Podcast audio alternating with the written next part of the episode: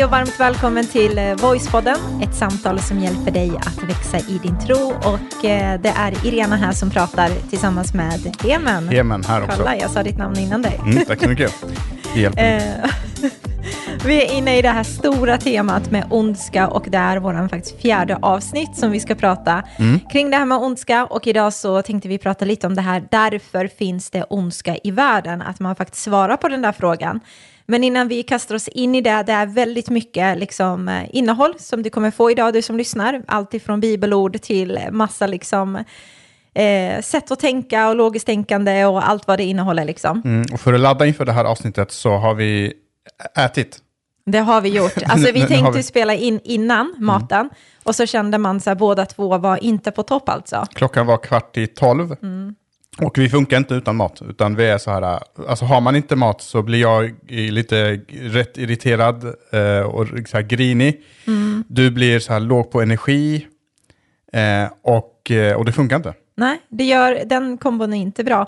Men eh, den stora skillnaden är också typ att du vet om att du behöver mat. Mm. Medan jag kan vara en sån som typ kan gå ganska länge utan mat. Alltså innan du klev in i bilden i mitt liv Mm. så kunde jag gå ganska många timmar utan mat. Och jag förstod inte varför jag var orkelös och varför jag liksom var snurrig i Så huvudet fick andra och så. ta konsekvenser av, av ditt, så. liksom, ditt Men man handlande. lär sig, bättre sent än aldrig. Men, Men nu, nu har vi fyllt på magen och nu är klockan halv ett istället, eller 21. Det är perfekt. Eh, och vi är redo att eh, köra det här avsnittet.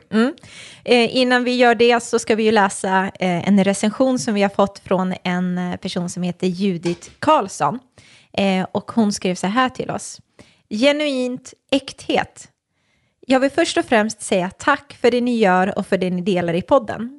För att inte gå så mycket i kyrkan periodvis till att bara längta efter mer och mer utav era teman ni lägger upp och främst att få höra mer av Guds ord. Er podd är genuint äkta, det vill säga alltid ett, från glädje och skratt till mer tankeverkstad och lösning. Ni, det står Geman, men jag tror menar Heman. Heman och Irena eh, strålar ut era varma personligheter för oss lyssnare. Man får som jag lära mig så mycket mer av Bibeln och tanken bakom texten kommer fram på ett genuint sätt. Tack, tack, tack för det ni gör. Fortsätt sprida vidare. Ni är grymt älskare. Kom ihåg det, hjärta. Vilken härlig peppgrej, för att det, det här behövde vi faktiskt. För vi, vi har känt lite så dåligt samvete över att ibland har det varit intensivt för oss och ibland har vi inte släppt så kontinuerligt som vi har velat. Men vi kommer aldrig upp på den här podden, utan vi kör på. Nej, det är inte ens på frågan. Nej, nej, men jag ville bara försäkra det. Så vi, vi, vi uppskattar det där så mycket. Ja, det betyder väldigt, väldigt mycket. Och, eh, alltså, lyssnar man på det, på det här och känner att man får väldigt mycket ut av det och tycker att det är bra, så finns det lite olika saker man kan göra för att vara med och, och stötta. Eh, en av de sakerna, det är just det eh, den här personen gjorde, och det är att skriva en recension på iTunes eller Podcaster om man har en iPhone eller en, en, eh, en Mac. Och har man inte det så kan man också skriva det på vår Facebook-sida. Eh, det hjälper jättemycket. Dels så ger det Eh, liksom, eh, vi behöver mat och så kan det där också hjälpa till. Det, är liksom, Näring för själen. det där är våran spolarvätska och maten är våran bensin kan man säga. Ja. Jag vet inte. Nej. Men, men det hjälper i alla fall och framförallt så hjälper det för andra som ser den här podden att upptäcka att, eh, att det här är någonting bra, man blir nyfiken och så går man in och, och, och lyssnar. Eh, och sen så kan man såklart också prenumerera, det ska man alltid göra, prenumerera och så kan man dela podden med andra. Eh, screenshotta på Instagram eller dela en post, eh, bara dela länken till poddavsnittet på Facebook och, och sådär. Och slutligen så kan man också vara med och vara givare och då finns det en länk eh, i det här avsnittet. Och du som är med och är givare, du är med och bedriver kan man säga mission i Sverige. Eh, och eh, för, för att de pengarna används för att sprida de här avsnitten till många som annars aldrig skulle kanske få tag i det här eller liksom få höra om det kristna budskapet. Mm, det stämmer. Och speciellt i dessa tider så är podden mer liksom eh, rätt i tiden någonsin. För att folk sitter hemma och vet inte vad de ska göra. Och sen så letar de efter någonting. Så det känns jättekul att du vill vara med och stötta oss i det här. Och att du är med och eh, gör det möjligt. Det är grymt. Eh, Men nu innan vi kliver in och svarar på the big question. Liksom, som mänskligheten har ställt. Så ska vi svara på en annan fråga som också är jättebra. Från en kille som har skickat in och undrar så här. Om Jesus nu, han refererar till våra avsnitt som vi har haft i det här temat ondska. Om Jesus nu har skapat allt på denna jord, har han då också skapat virus? Och en annan fråga som han också hade är det här, kan djävulen omvända sig och bli en god efterföljare till Gud är i så fall hans synder förlåtna. Mm. Lite så här en tänkarkille där. Ja, och den här killen heter Mikael då. Mikael, förlåt att Så jag inte vi- visste ditt namn. Mm, så har vi näm- nämnt det också. Ja. Och den första frågan, den kommer vi svara på i det här avsnittet och kanske i nästa också. Eh, där vi pratar om varifrån ondskan kommer. Är det, är, är det Gud som har skapat ondskan och virus och sjukdomar och elände? Just på grund av att han är allsmäktig och det var han som skapade allt. Det är han som ligger bakom hela universum. Eh, och, eh, och, och, så det kommer vi svara på i det här avsnittet och i nästa. Men svar på eh, fråga nummer två, det kan vi bara ta lite kort. Det hör egentligen inte... Jo, det hör hit, det gör det. Eh, där, där han säger så här, kan djävulen omvända sig och bli en god efterföljare till Gud eller eh, är i så fall hans eh, synder förlåtna? Och svaret på den frågan, för att göra en jätte, ett jättelångt svar, väldigt kort, är nej. Eh, alltså det finns en tid då både änglar och människor har på sig att omvända sig, att ta det här beslutet. Vill jag vara med Gud eller vill jag inte vara med Gud? Eh, och, och, och, och det har delvis att göra med att Gud vet på förhand vad vi kommer att svara. Och när jag säger det här så vet jag att nu väcker jag tusentals frågor, liksom tankar i huvudet på, på folk. Men det här är så här komplicerat och avancerat. Men svaret är nej. Eh, och eh, Gud eh, kickade inte in en räddningsaktion för att rädda de här eh, Änglarna, änglarna som, änglar. som, som, föll, som vi pratade om i första avsnittet. Det gjorde han med människor, men han gjorde inte det med djävulen på samma sätt. Precis. Och svar, med, svar på fråga ett, det kommer som sagt här i det här avsnittet. Så den frågan som vi nu ska svara, som jag nämnde innan, är the big question, är någonting som du som lyssnare säkert har hört någon säga, formulerat det kanske lite annorlunda, men essensen är the same. Eh, och då är det den här frågeställningen, om Gud är god och allsmäktig, hur kan han tillåta lidande? Och det är faktiskt typ en av de vanligaste frågorna idag, tycker jag. Eh, och det är någonting man hör sina vänner eller någon annan som man lär känna, eller liksom man hör människor säga så här, ah, men jag har en kompis som inte riktigt tror på Gud. Men det är ju den här frågan som den ständigt ställer, liksom, om, om Gud är så stor och han är allsmäktig, hur kan det vara så mycket misär i världen, varför låter han allt det här ske? Och det verkar vara den frågan som många liksom uttrycker som att de måste få det besvarat för att komma vidare.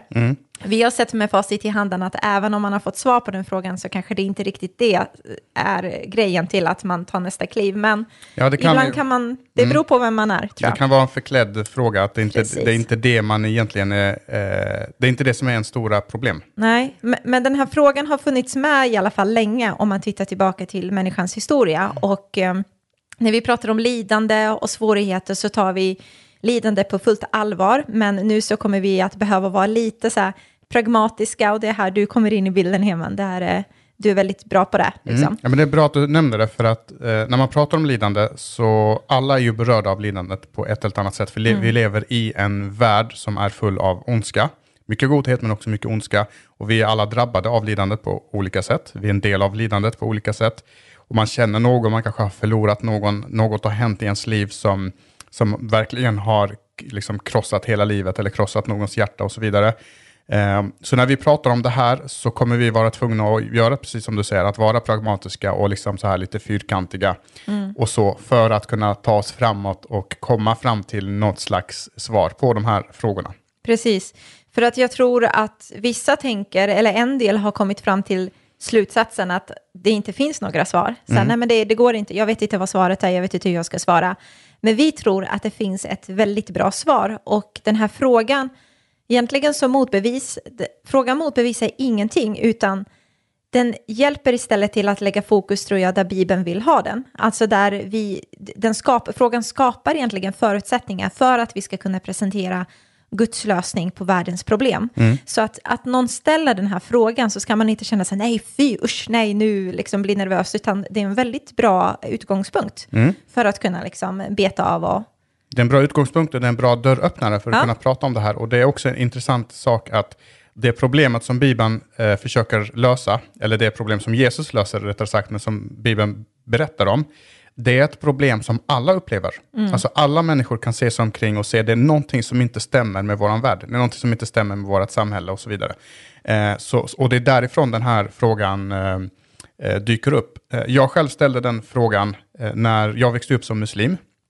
Och eh, gick igenom jättetuffa grejer, jag har säkert nämnt det vid något tillfälle, så jag ska inte dra det där igen, men gick igenom riktigt tu- tuffa grejer. Och då blev ju frågan som jag ställde mig, det var att, men, men hur kan en god Gud tillåta att jag går igenom allt det här? Alltså Gud kan inte älska mig för att jag, eh, liksom, alltså slutsatsen jag kom fram till är att antingen så är Gud inte allsmäktig, för han vill hjälpa men han kan inte, eller så är han inte kärleksfull. Han kan hjälpa men han vill inte. Ja. Eh, Och oavsett vilket av de här det är, då, då vill jag inte tro på en sådan Gud, om han ens finns överhuvudtaget. Och vissa har ju den där argumentet, precis det du säger, att man tänker sig antingen så är Gud inte god, eftersom han låter oss lida, eller så är han inte alls mäktig eftersom han inte kan stoppa det här lidandet som jag upplever. Och så drar man den här slutsatsen till att ondska existerar, alltså kan Gud inte existera. Liksom det är det man kommer fram till på något sätt. Men det finns väl ett annat sätt att se det på också, eller? Ja, alltså den här, de här, det här argumentet finns i massa olika former. Man kan googla det på YouTube. Att det finns sex eller sju olika varianter på det här. Men allting så att säga kommer från samma sak. Men det, det vanligaste sättet är att se det så här att man har liksom ett, en, eh, ett argument som lyder, som, som har tre premisser kan man säga. Eller tre stycken argument. Och då säger man så här att ondska och lidande, det existerar. Det kan vi titta liksom runt i världen och se att, att ondska och lidande finns. Eh, Gud är god och allsmäktig. Det är liksom också en premiss. Och sen eh, nummer tre då, att en god och allsmäktig Gud, om han nu existerar, hade tagit bort ondskan och lidandet. Så därför så måste det betyda att Gud existerar inte. Okej. För att ondska och lidande finns, Gud är god och allsmäktig och en Gud, Gud, eh, god och allsmäktig Gud skulle inte tillåta ondska och lidande. Därför måste det betyda att Gud inte finns. Eh, och, och det som är bra med, eh, med ett sånt här argument, det är verkligen just det här som vi pratar om, att det är väldigt pragmatiskt, det, är liksom, eh, det, det går liksom att, att ta på, det är konkret.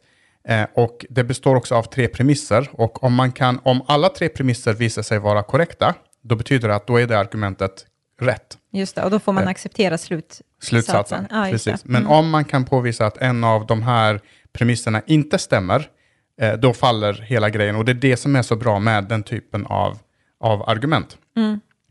Eh, och det är vad, vi ska fokusera på här. Och det vi ska fokusera på det är just den här tredje slutsatsen egentligen, där man säger så här att, att eh, en god och allsmäktig Gud, om han nu existerar, hade tagit bort ondska och lidande. Men då tänker jag lite så här, eh, alltså är inte den premissen lite fel? För att den, jag tycker att den dömer ut på förhand att den här möjligheten att en god och allsmäktig Gud kan ha en bra orsak till varför det finns lidande, eller? Exakt, och det är precis det, det det gör. Att man på förhand har man redan bestämt att Gud kan inte ha någon anledning till varför lidande och ondska måste finnas i, i världen.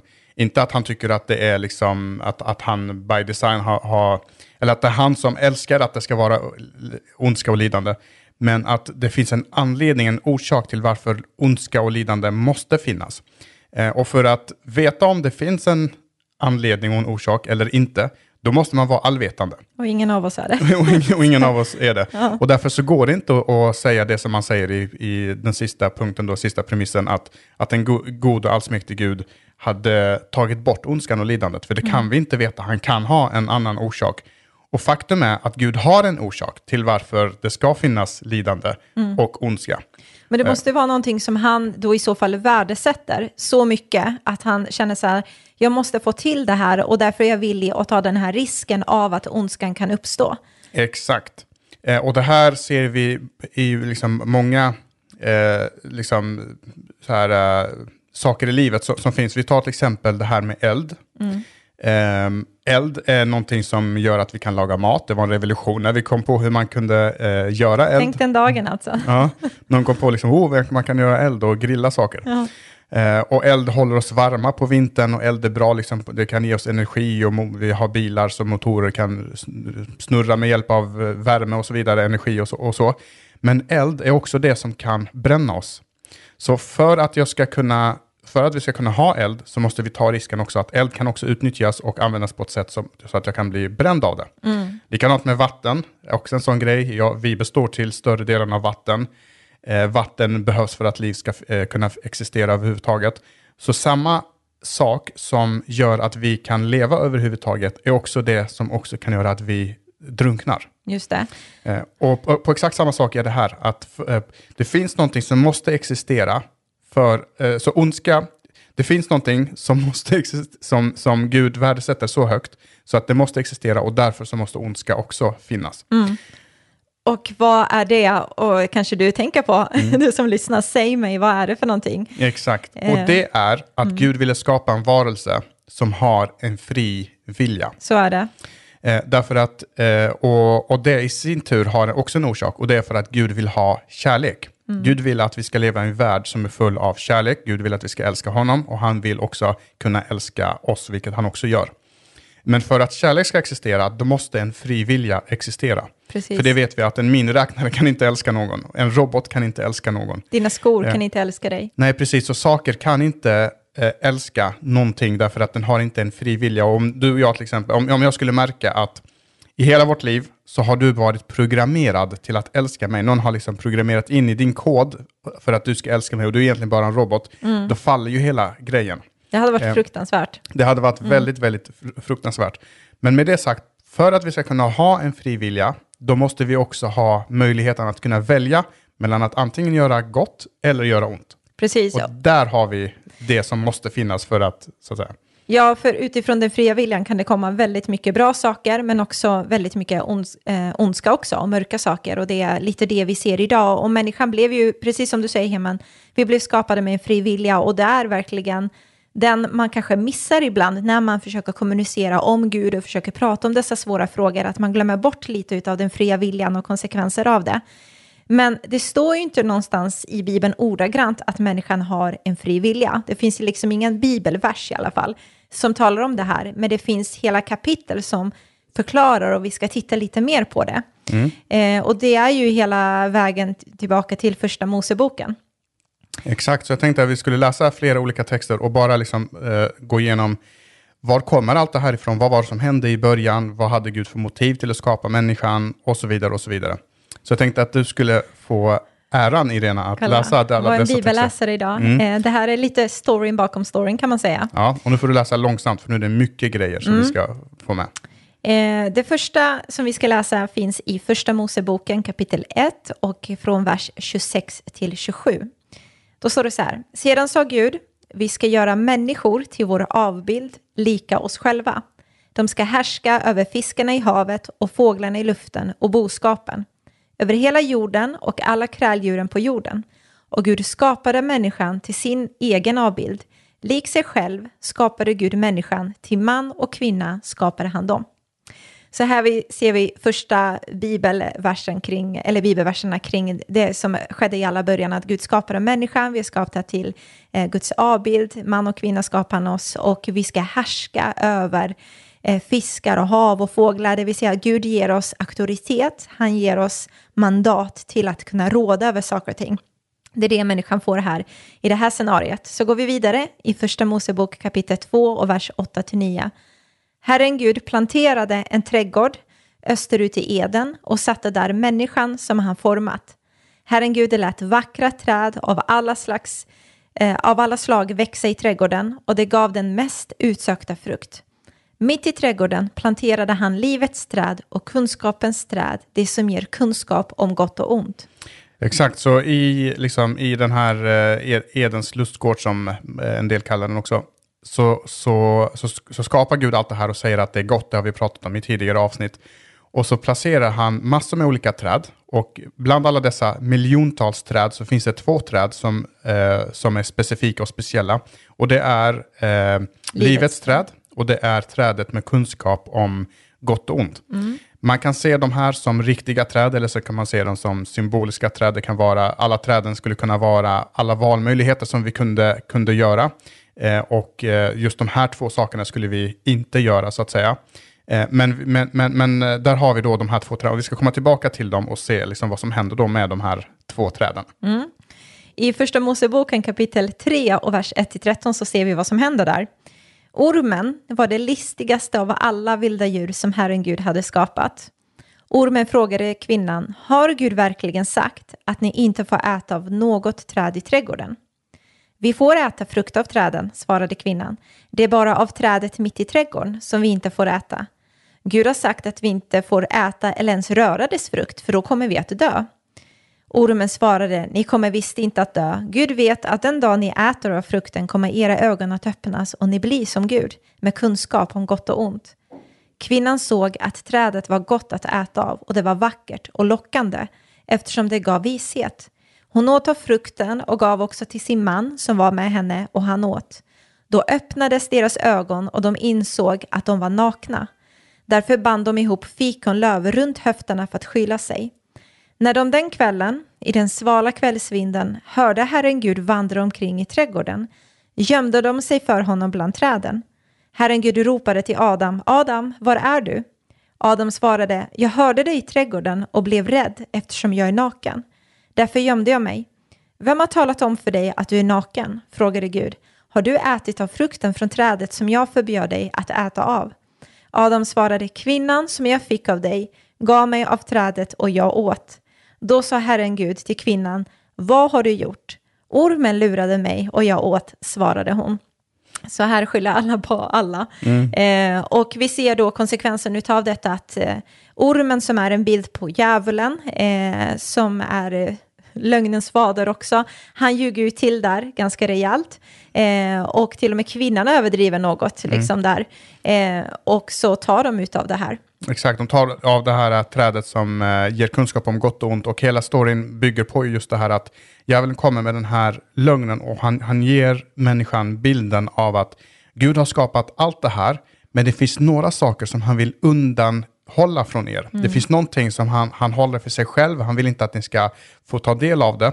För att om ni äter av det här trädet, då kommer ni bli lika Gud. Och det vill inte han.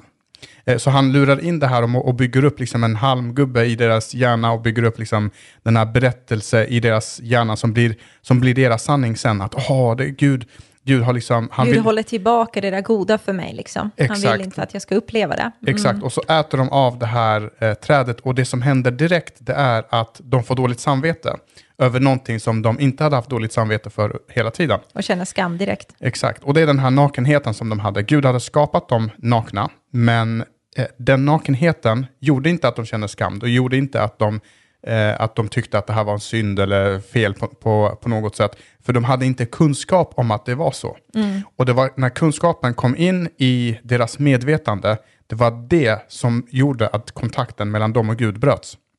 Precis, och det är väldigt intressant att just de här lögnerna som du refererar till, som djävulen använder, det är ju det som blev också hans fall.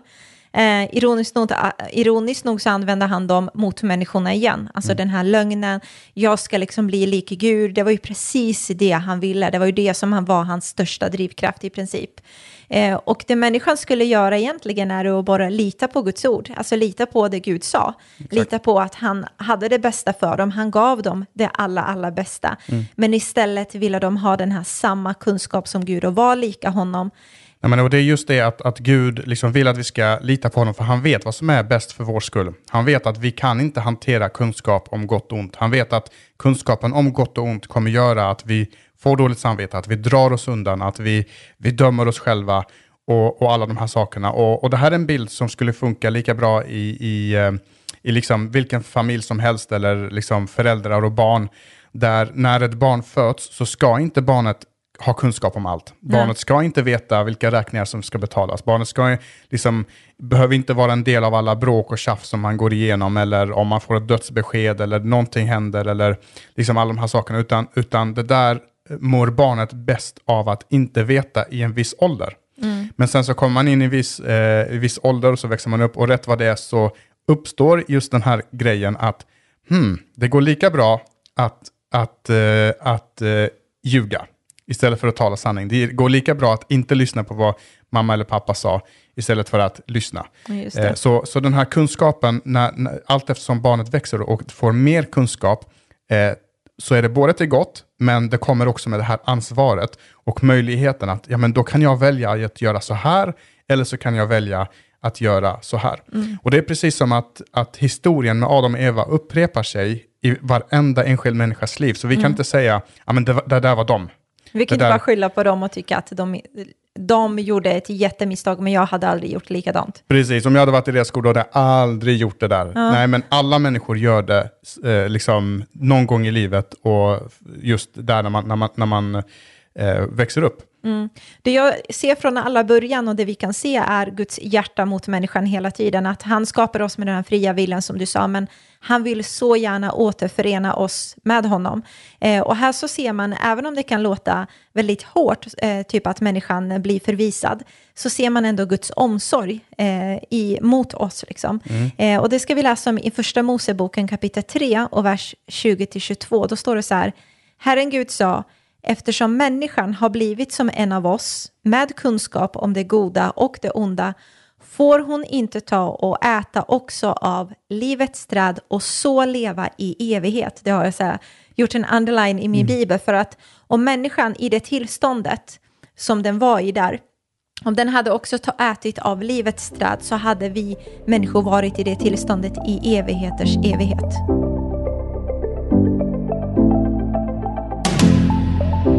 Vi läste tidigare där att Gud skapade människan till sin avbild så gav han oss makt eh, till att råda över saker och ting. Och här så ser man ett skifte i vad som händer i den här konversationen som människan har med djävulen och i den konsekvensen som människan också fick av att äta utav den här kunskap om gott och träd. Eller kunskap om Om gott och gruvan. Nej. och trädet om kunskap. Men alltså nu är jag helt Trädet med kunskap om Tack, gott och ont. tack så mycket.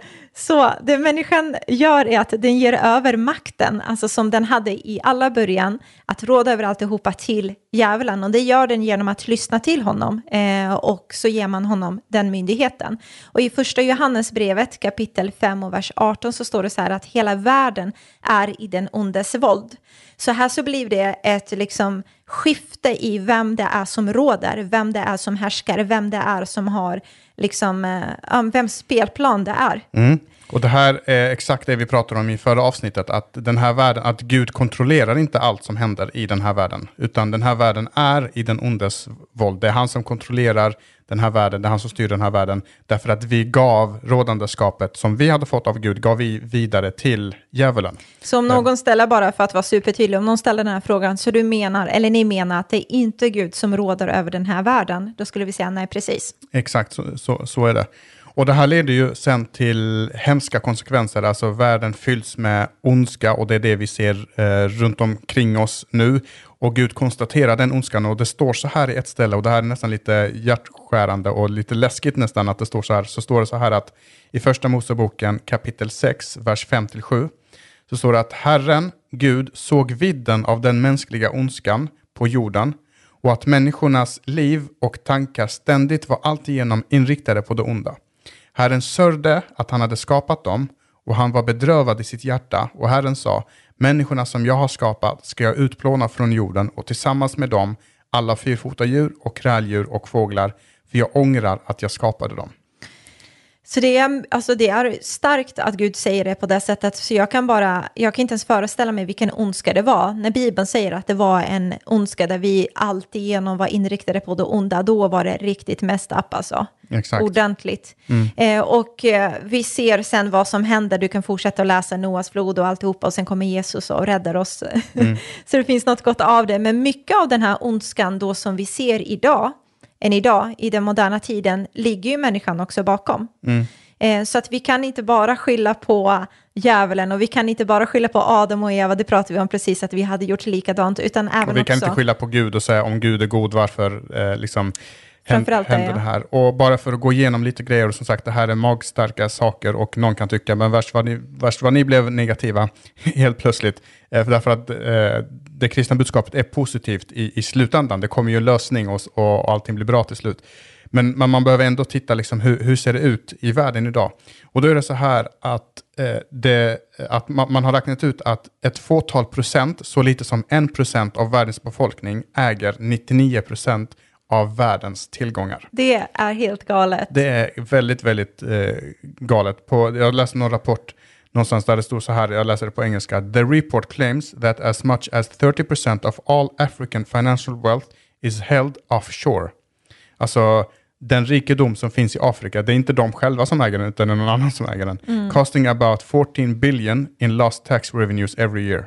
This is enough to pay for healthcare that could save 4 million children's, uh, chil- children's life a year. Ja, det är helt otroligt. Eh, Så, så de tillgångar som skulle vara kvar i Afrika, de finns istället någon helt annanstans. Och på grund av det så, skulle man, så, så går fyra miljoner liv förlorade, eh, eh, barnliv förlorade varje år. Mm, och på tal om barnliv så står det också att 1,7 miljoner barn dör varje år. Jag vet inte om den siffran är ännu högre nu.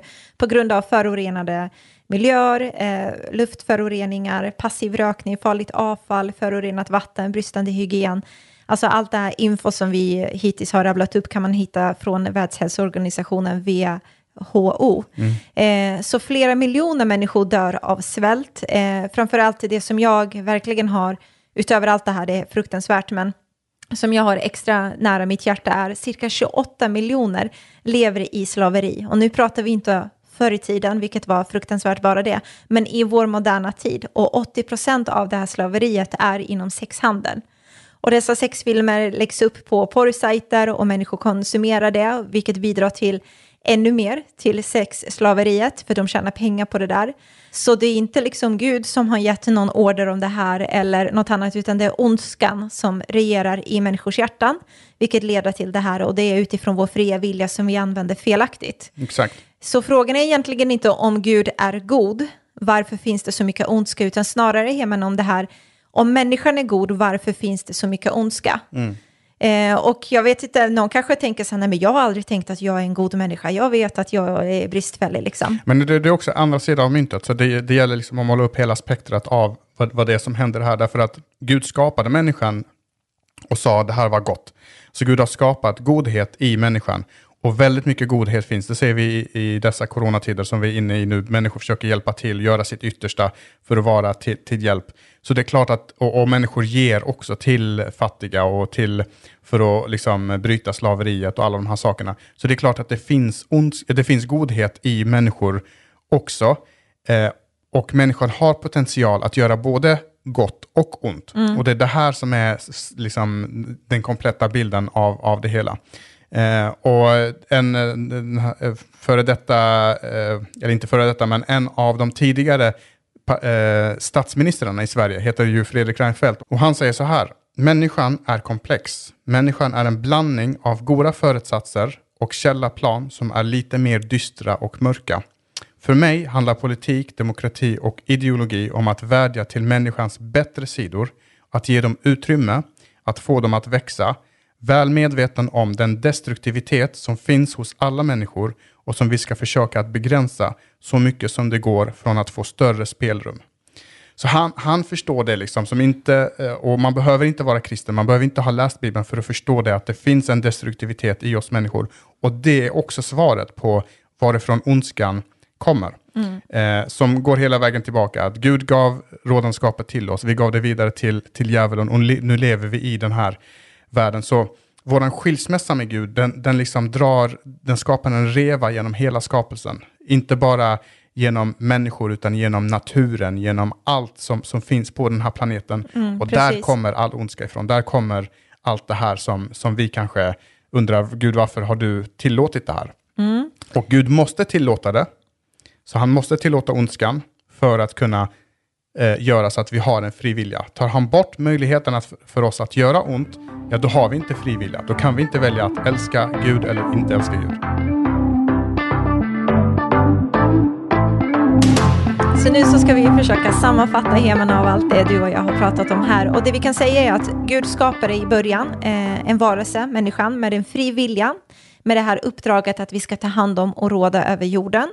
Eh, och vi gav, gav över det här rådande skapet till eh, djävulen. Eh, och därför står det att världen är i den ondes våld. Eh, vi pratar om också konsekvenserna av människans rätt att använda sin fria vilja. Eh, och lite kring den här frågan som egentligen borde vara om människan är god, varför finns det så mycket ondska? Att det är lite det som man får liksom klura på vidare sen.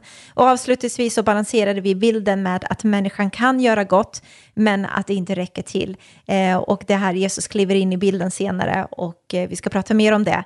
eh, i kommande avsnitt. Mm. I sista avsnittet i det här temat, och då kommer vi också, det kommer vara lite så här där vi tar upp en massa olika frågor som kan ha kommit upp.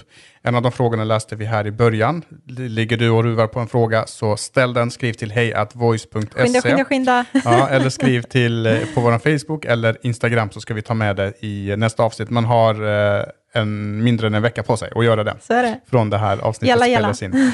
Eh, och har en vecka gått, ställ frågan ändå så kan vi ta det längre fram om det skulle vara så. Eh, men de frågor, några av de frågor som vi kommer svara på det är just det här att betyder det att Gud skapade all ondska? För att Gud skapade allt. Vi svarade inte på den frågan till 100% tror jag, men det kommer vi göra nästa avsnitt. Varför var det så viktigt för Gud att skapa oss med en fri vilja? Vi rörde vid det lite grann. Eh, ska vi fördjupa oss i det? Eh, det här med att Gud har kontroll och så vidare har vi också svarat på. Eh, och sen framförallt, kan inte Gud ta bort all ondska? Mm. Kan inte bara så här, ta Puff. bort allt? Han är ju allsmäktig, kan inte bara ta bort allt? Mm. Och sen så ska vi också se vad Jesus har med allt det här eh, att göra och med den fria viljan och lidandet och så vidare. Så det blir en, en så här, ett avsnitt där vi verkligen knyter, knyter säcken, säcken ja, och, och sammanfattar allt. Och, det kommer bli jättespännande. Rätar ut de sista frågetecknen. Ja, förhoppningsvis så gör vi det. Du, tack för att du lyssnade. Jag hoppas att du har lärt dig något mer av det här och att din tro har blivit stärkt och du känner att du har växt av det här och kanske var det bara en förstärkning och påminnelse för någon eller bara en rejäl aha-upplevelse för någon annan. Oavsett vad, dela gärna podden, dela gärna avsnitten och kommentera som sagt på våra sociala medier på Facebook, Instagram. Vi behöver dig. Tillsammans gör vi det här och ser till att människor får rätt bild av Gud, rätt bild av vad den kristna tron handlar om eh, så att de får möta Jesu kärlek. Så tack för att du lyssnade än en gång. Vi återkommer tillbaka, eller hur Hemma, nästa vecka? Det gör vi. Ja, ha det bäst nu. Hej då!